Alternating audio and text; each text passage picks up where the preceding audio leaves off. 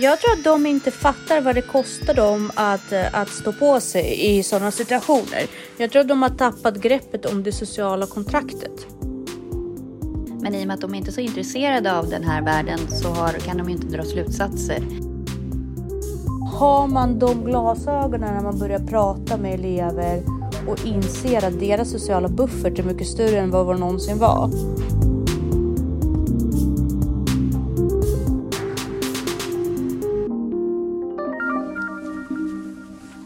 Hej Jessica!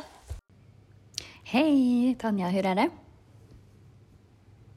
Eh, det är bra. Jag njuter ju av eh, sportlov. Det kommer du göra nästa vecka. Eller jag tror att då har du haft Ja. det när vi lägger den här podden i omloppet. Men jag Precis. passade på att vara i Stockholm eh, och träffade min dotter och var i hennes skola. Um, Ja, i kul. en dag faktiskt. Ja, det var jättekul. Och ser hur det går i en av de få eh, resursskolorna som vi har i landet. Um, Mm. Det var en jättetrevlig upplevelse faktiskt. Jag tycker de gör ett fantastiskt jobb. Mm. Jättebra pedagoger och bara allmänt trevligt att se po- positiva kollegor. Ja, det var jättekul. Mm. Eh, Härligt. Hur har du, har, hur har du det sista veckan innan sportlovet? Nej, men det är väl bra, tycker jag. Eh, Mycket som att, eh, kommer ihop sig? Nej, inte värre än vanligt. Eh, men det är väl som de Eh, vilka klasser har du mest nu i gympan? eh, mellanstadiet. Eh, och så har jag lite lågstadiet och lite några sjuor. Så det är bra. Det är ändå... Sjuorna börjar verkligen tänka på sina betyg nu. Nej, jag tror inte de har kommit det. Det lite, det är lite det vi ska prata om idag, eller som de tar upp där, eller i det att unga är ju mycket mer omogna och eh, oerfarna. Eh, så att, eh, alltså, det märker man ju. Alltså, Mm, mycket mer själviska. Ja, men också att de är så omogna. Alltså, så som sjuor och åttor beter sig nu, så betedde sig kanske fyra och femmor förut. Alltså vad det gäller ansvarstagandet för sin utbildning. Och De är ju inte seriösa. Alltså betygen, det verkar inte spela dem någon roll. Nej. Och det, det är så underligt för mig. Eh, men det har ju att göra med att vi hela tiden också intalar om ja, men det här är bara ett check för lärare att kolla av vart man ligger när de har omdöme. Så att vi förbereder ju inte dem heller. Hela vår approach är ju väldigt curlande på skolan. Jag tycker att det skadar barn mer än vad gör nytta överlag. Men det visar ju också studier nu att barn, barn är inte lika mogna, de är inte lika utvecklade, de är inte lika eh, utbildade och det är överlag inte samma.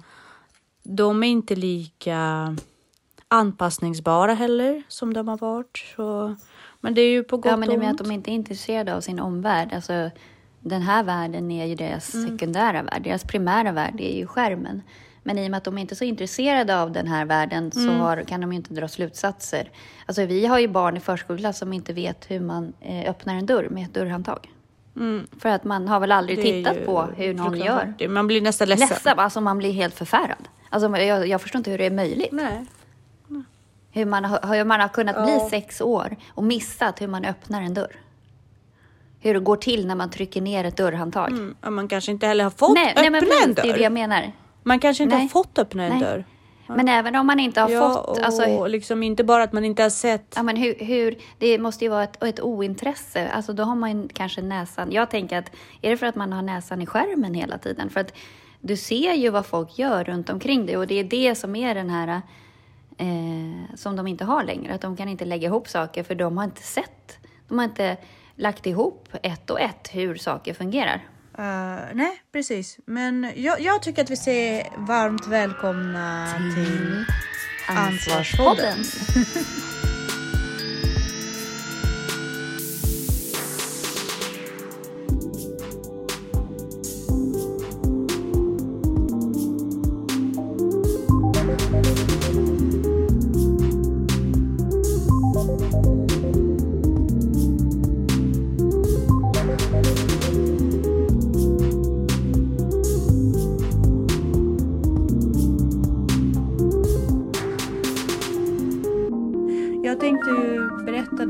för våra underbara lyssnare att eh, idag har vi en podd som eh, som är baserad på ett samtal mellan Jordan Peterson som är ju en vid det här laget världskänd social medial psykiatriker från eh, Kanada och eh, Dr. Jean Twenge som också är en forskare, men jag tror att hon är i Britannien eh, om jag inte misstar mig.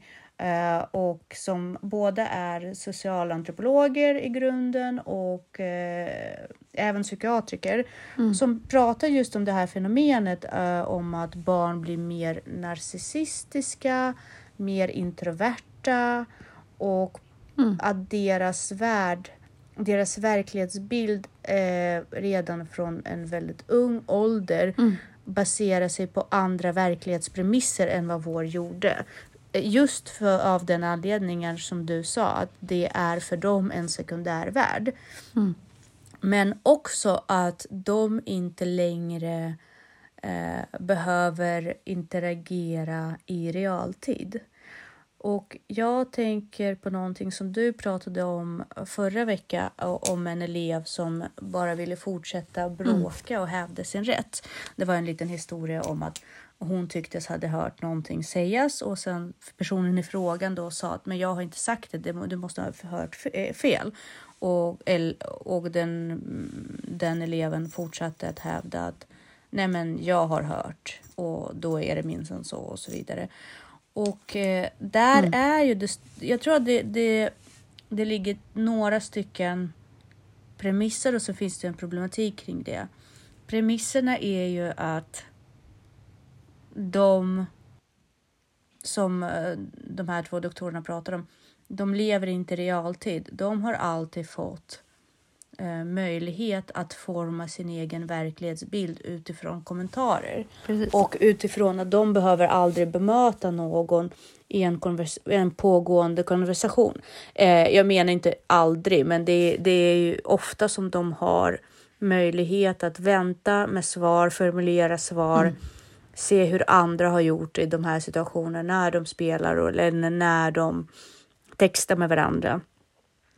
Uh, och den biten är ju väldigt intressant tycker jag. De behöver inte göra saker i realtid på samma sätt som vi behövde göra när vi skapade relationer med våra kompisar när vi var unga. Precis. Och jag tror att den här elevens oförmåga att acceptera sanningen hade mycket att göra med att det slängdes på henne i realtid. Hon var tvungen att erkänna och inte omförklara Uh, därför att uh, i bästa världar hade hon kunnat liksom kommit med en förklaring också hur det här missförståndet hade hänt eller så. Men i, i flödande konversation hade hon inte det i sig, hade inte vadan i sig. Till exempel, alltså det behöver inte vara så. Men jag märker ju det också väldigt mycket, att det är mycket bortförklaringar. Eh, när jag pratar med mina elever också. Men är det inte att de faktiskt inte har förmågan jag tänker att de inte har förmågan att beakta alternativ. Alltså de har inte den empatin eller den ja, men förmågan att det kan vara så att jag har fel. Uh. Eller det kan, alltså att det finns alternativa sanningar. Jag tror att de inte fattar vad det kostar dem att, att stå på sig i sådana situationer. Jag tror att de har tappat greppet om det sociala kontraktet. Jag mm. tror att de fattar inte längre vad det innebär ja, ja, att, eh, att ha en konflikt och vad det kan kosta att ha en konflikt. Därför att de å ena sidan blir väldigt curlade mm. av sina föräldrar och man accepterar, respekterar och låter barn vara med. Så de får sällan ett nej. Jag är vuxen, jag tycker inte att det här är okej. Okay. Mm. Tack så mycket för din åsikt, vi hörs senare. Det får de väldigt sällan. Mm. Och samtidigt som de alltid får definiera sig själva i alla situationer utifrån eh, den digitala världen. Därför att varje gång de går online så kan de mm. definiera mm. sin karaktär. De kan i Roblox till exempel, de väljer mm. en hel outfit, de väljer hela sin identitet innan de börjar interagera. I realtid är det mm. väldigt mycket så här, här är jag, gillar mm. läget och så får man en direkt respons på det. På både ens kommentarer, på både ens utseende mm. och så vidare. Och det måste man lära sig att hantera. Om man inte hanterar det så blir man introvert och inte vill bemöta andra. Och om man hanterar det lär man sig att anpassa sig och sälja ut mm. eller kompromissa bort väldigt stora delar av det som är ursprungligen ens identitet. Och nu säger jag citationstecken. Men man formas lite efter normerna. Mm. Eh, och därav blir accepterad mm. av, av allmänheten och på så sätt får även eh, the benefits, alltså avkastning, den sociala avkastningen. Man får vara med, man blir inbjuden, ens åsikt räknas med. De har inte det. De fattar inte att det är en kostnad att vara med i ett sammanhang, i ett kollektiv. De har inte det med sig.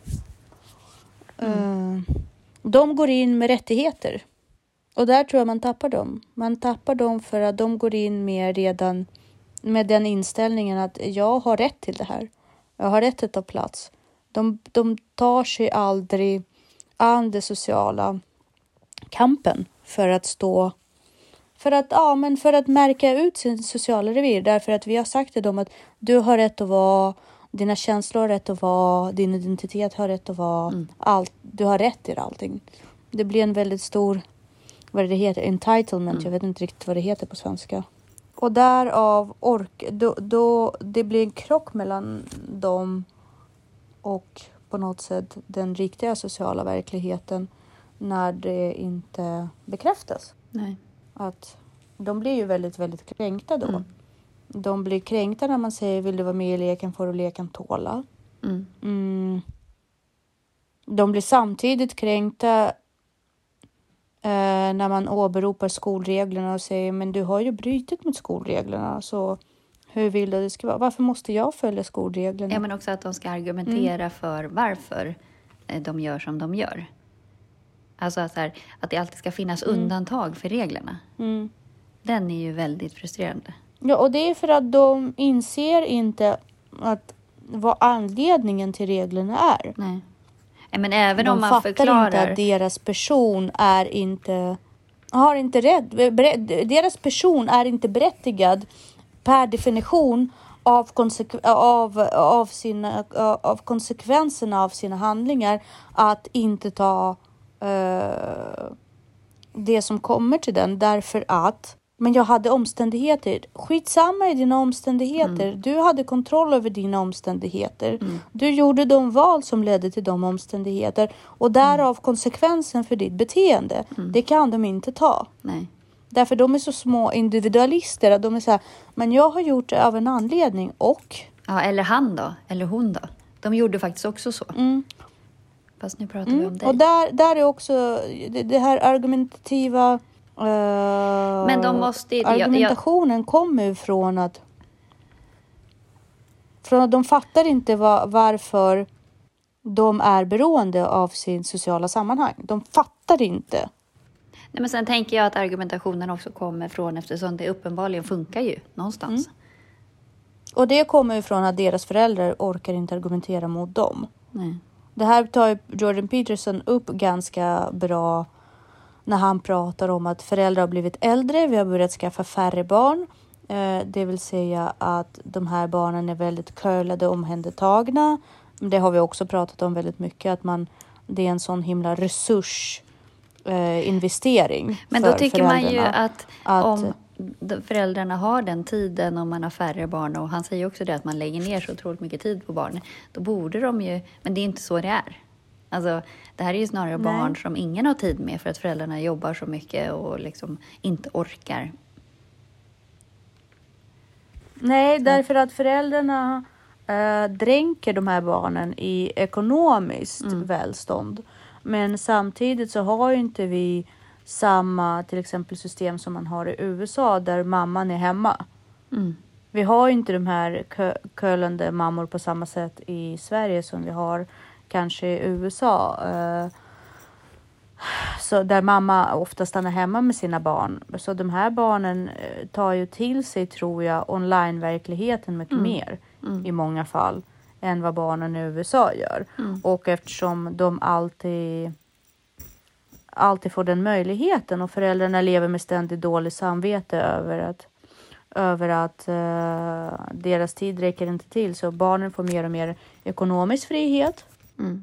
Och då tror de att de även har rå- eh, möjlighet till, eh, till att kompromissa med reglerna. Eh, Det är som Jean Twenge så, sa då att eh, hon- hon växte upp i eh, Sydcarolina, liksom, eh, hon är väl runt 60 själv och eh, hon är en av familjen på åtta barn.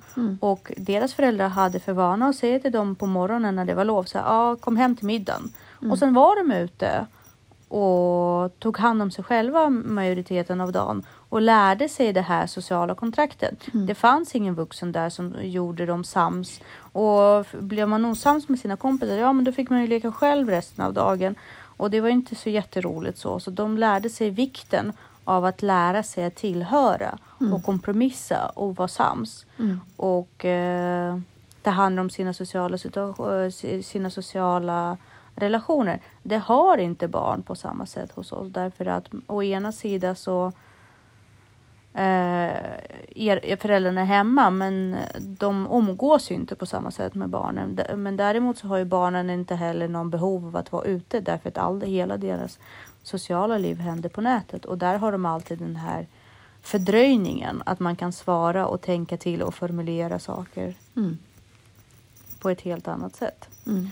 Men eh, det har ju visat också att barn mognar mycket, mycket senare. Mm. De kommer ut i samhället och är mycket mer omogna Verkligen. än vad de... Ja, men de har ingen erfarenhet för de behöver inte ta något ansvar. De behöver inte tränas i någonting eftersom de får allting serverat. Mm. Så att det, det är en helt annan eh, generation vi möter nu och det är väldigt viktigt tror jag att vi börjar förstå det. Och det de säger också i podden det är att man måste börja ha mer kontroll över sociala medier. Mm. Man måste ha mer insikt i att det är egentligen en ganska anarkistisk och egoistisk värld Mm. som är också full av människor som skapar en dålig psykisk miljö där. Mm. Eh, därför att den är väldigt bekräftelsebaserad. Mm. Barnen får ju för sig att den här bekräftelsen Mm. är där, eh, vad heter det, eftertraktad Mm. och gör allt för att få bekräftelse och på något sätt inte skapar sina egna moraliska gränser heller. Nej. Därför att å ena sidan ska du alltid ha rätt och å andra sidan ska du också, det är någon form av bias här, liksom att dualitet. Att å ena sidan så har du rätt att eh, äga din åsikt och så, men du får inte heller bli på något sätt du får inte bränna dina sociala broar och du måste ske en viss skepnad. Nej. Eh, därför att den sociala medien är inte längre någonting man väljer. Nej. Elisabeth är inte min dotter som är 11. Hon har inte... Det fanns aldrig ett al- alternativ för henne att inte ha social media. Nej. Men, men hur mycket, alltså, eller jo, det alternativet finns ju. Det finns ju en del barn som inte har sociala medier på det sättet som väljer att stå utanför. Eh, Så att alternativet, Hur, hur mår de? jag tror att de mår ju bättre. Jo, Eh. om, förutsatt att de får alternativet med vänner utanför där man har liknande, li, likatänkare Mm. Bland föräldrar. Men om man inte har det, till exempel så har jag folk i klassen Mm. som inte har eh, fått ha sociala medier tills de fyller 13 till exempel. Mm. Och de har ju fullständigt lidit. Ja, men jag tänker om de har valt det själva. Min äldsta son väljer ju att stå utanför sociala medier. För Ja, att han vill det. men då Han är det ett trivs. val. Ja, precis. Så att det är inte givet att man mår dåligt bara för att man inte har sociala medier. Men att du liksom, om du väljer det själv. Jag tror att man... Det beror på vad som Men sen försiggår. pratar vi också så. Pratar vi att han är utanför Snapchat, TikTok och så? Ja. Eller ha- har han inte heller Youtube? Ja, alltså Youtube ser inte jag som en social media på det sättet. Det ser jag mer som en underhållningsportal. Mm. Det är inte att du direkt interagerar med andra. Alltså du pratar ju inte med andra på det sättet. Liksom. Det är mer att Nej. du tillskansar dig underhållning. Ja, sp- så kan man ju säga om TikTok också egentligen. Men det, Mm. det jag menar är att han har ju fortfarande möjlighet att bilda en community. Han kan fortfarande se Absolut. sina likasinnade. Ja, ja. Det är ju det, Absolut. Jag tror att det är det som är det väsentliga för tonåringar. Om man inte har möjlighet att träffa likasinnade utanför skolan Mm. eftersom folk har gått online mycket mer så är det ju ändå viktigt för honom att kunna förankra sina intressen hos andra Mm, absolut. i hans ålder. Ja, ja. Det var ju det jag tänkte. Ja. Så på så sätt står han ju inte utanför sociala medier. Nej, jag tänkte mer fortfarande- sociala medier som en form där du kommunicerar med andra. Alltså Mm. där du, du faktiskt pratar med dina kompisar på sociala medier. Att du är med i klasschattar eller att du har ett Facebook-konto Mm. Ja. Mm. eller att du liksom delar med dig av din vardag. Ja, eh, precis. Jag pratar mer om sociala medier, i form av community, liksom att Mm. man har likasinnade människor Mm, okej. som tänker Ja. Mm. likadant. Till exempel att ja, TikTok formar idag väldigt mycket av eh, den feministiska rörelsen till Mm. exempel. Eller eh, även om de inte pratar med varandra, umgås med varandra så, så, Mm. så finns det som en tankebubbla som de delar Mm. eller eh, olika sexualiteter som också har varsin liksom, nisch där de kan finna den mentala gemenskapen. Precis som jag är. Jag har varit väldigt inslukad i ADHD community i- på TikTok till exempel. Som jag också nu med tiden har börjat ta lite avstånd från därför att jag har ju insett att allt kan ju inte definieras genom det ADHDns prisma. Alltså det kan det om man vill. Men jag inser ju också att jag har ett val eh, därför att jag tror att som vuxen har jag ju lite bättre kritiskt tänkande också. Jag fattar att det är lite av ett smörgåsbord av tankar och communities och strömmar som jag ändå kan välja. Jag tror att det är mer kategoriskt hos barnen. Men jag tänker att det är ju ingen, en- på ett så sätt är det ju ingen skillnad. Så har det ju alltid varit. Det har alltid varit det skiljer sig inte från idag. Alla människor har alltid behövt vara en del av ett sammanhang. Alltså en syjunta eller en kyrkokör eller en bokklubb eller ett fotbollslag eller sen att du råkar ha det i skärmen nu. Problemet är att eh, det, eh, problemet är att samhället har ju erb, oftast erbjudit socialt accepterade former av den här gemenskapen. Och det är där man har liksom på något sätt clean, man klinappade ganska mycket. Därför att om ungdomarna började hänga vid en specifik kiosk och supa, då brukade staden göra en viss insats och föräldrarna började gå runt där. Så man, man hade mer insyn i vad det händer. Om det börjar spridas onyttiga tankar eller eh, giftiga liksom, eh, narcissistiska idéer i en viss grupp eh, eller bara fel med självskadebeteende till exempel så är det väldigt mycket svårare att, eh, att ha insyn där. där Och sen så, det, det tar ju Jordan Peterson också upp. Alltså, En sak när du är ensam i din stad eh, och ni är kanske två, då förstår ni att ni är minoritet. Men även om det är två i varje stad i hela världen och till slut blir det 20 000, 200 000, då känner man som, sig som en mycket större sammanhang. Och, ha, och känner att man per definition har mer rätt att finnas. Precis. Så att när man går in i klassen och säger att jag skär mig till sina tjejkompisar till exempel. Eller att eh, i, nå, någonting i killarnas beteende till exempel att ah, nej men supa eller någonting. Det är bara för att jag säger det här inte för att det på något sätt definierar kill eller tjejgrupper. Och du har en hel community med 200 000 personer bakom dig i ryggen. När du pratar om dessa saker så tror jag att man, man har lite mer pondus när man pratar om det hellre än att tänka till. Absolut. På gott och ont. På gott och ont och därför att vi har haft pojkar i vår klass som har eh, som ser, har sett upp och ser fortfarande upp till den där Andrew Tate. Eh, känner du till honom? Nej. Det är en eh, affärsman slash bloggare slash eh, ju, ja, en sån där eh, influencer personlighet som är väldigt rik och har muslimsk bakgrund och eh, ja, men pratar väldigt mycket att kvinnans plats är i köket och en man måste se till att hon får den platsen på, och hon ska ha möjlighet att bara vara en prydnad och hon ska ha en möjlighet att ta hand om barnen. Det är mannens ansvar. Alltså, det är en hel, eh, han har en egen vision. Problemet är bara att bakom det så är han också eh, blivit inblandad i väldigt många destruktiva uh, affärer som knark och trafficking och etc. som nu prövas i domstol. Så att han har varit en, en väldigt stor inflytande på väldigt många unga män som har tyckt att han var, han, ja, det här med traditionella kvinno och manliga roller är jättebra och så på ett sätt.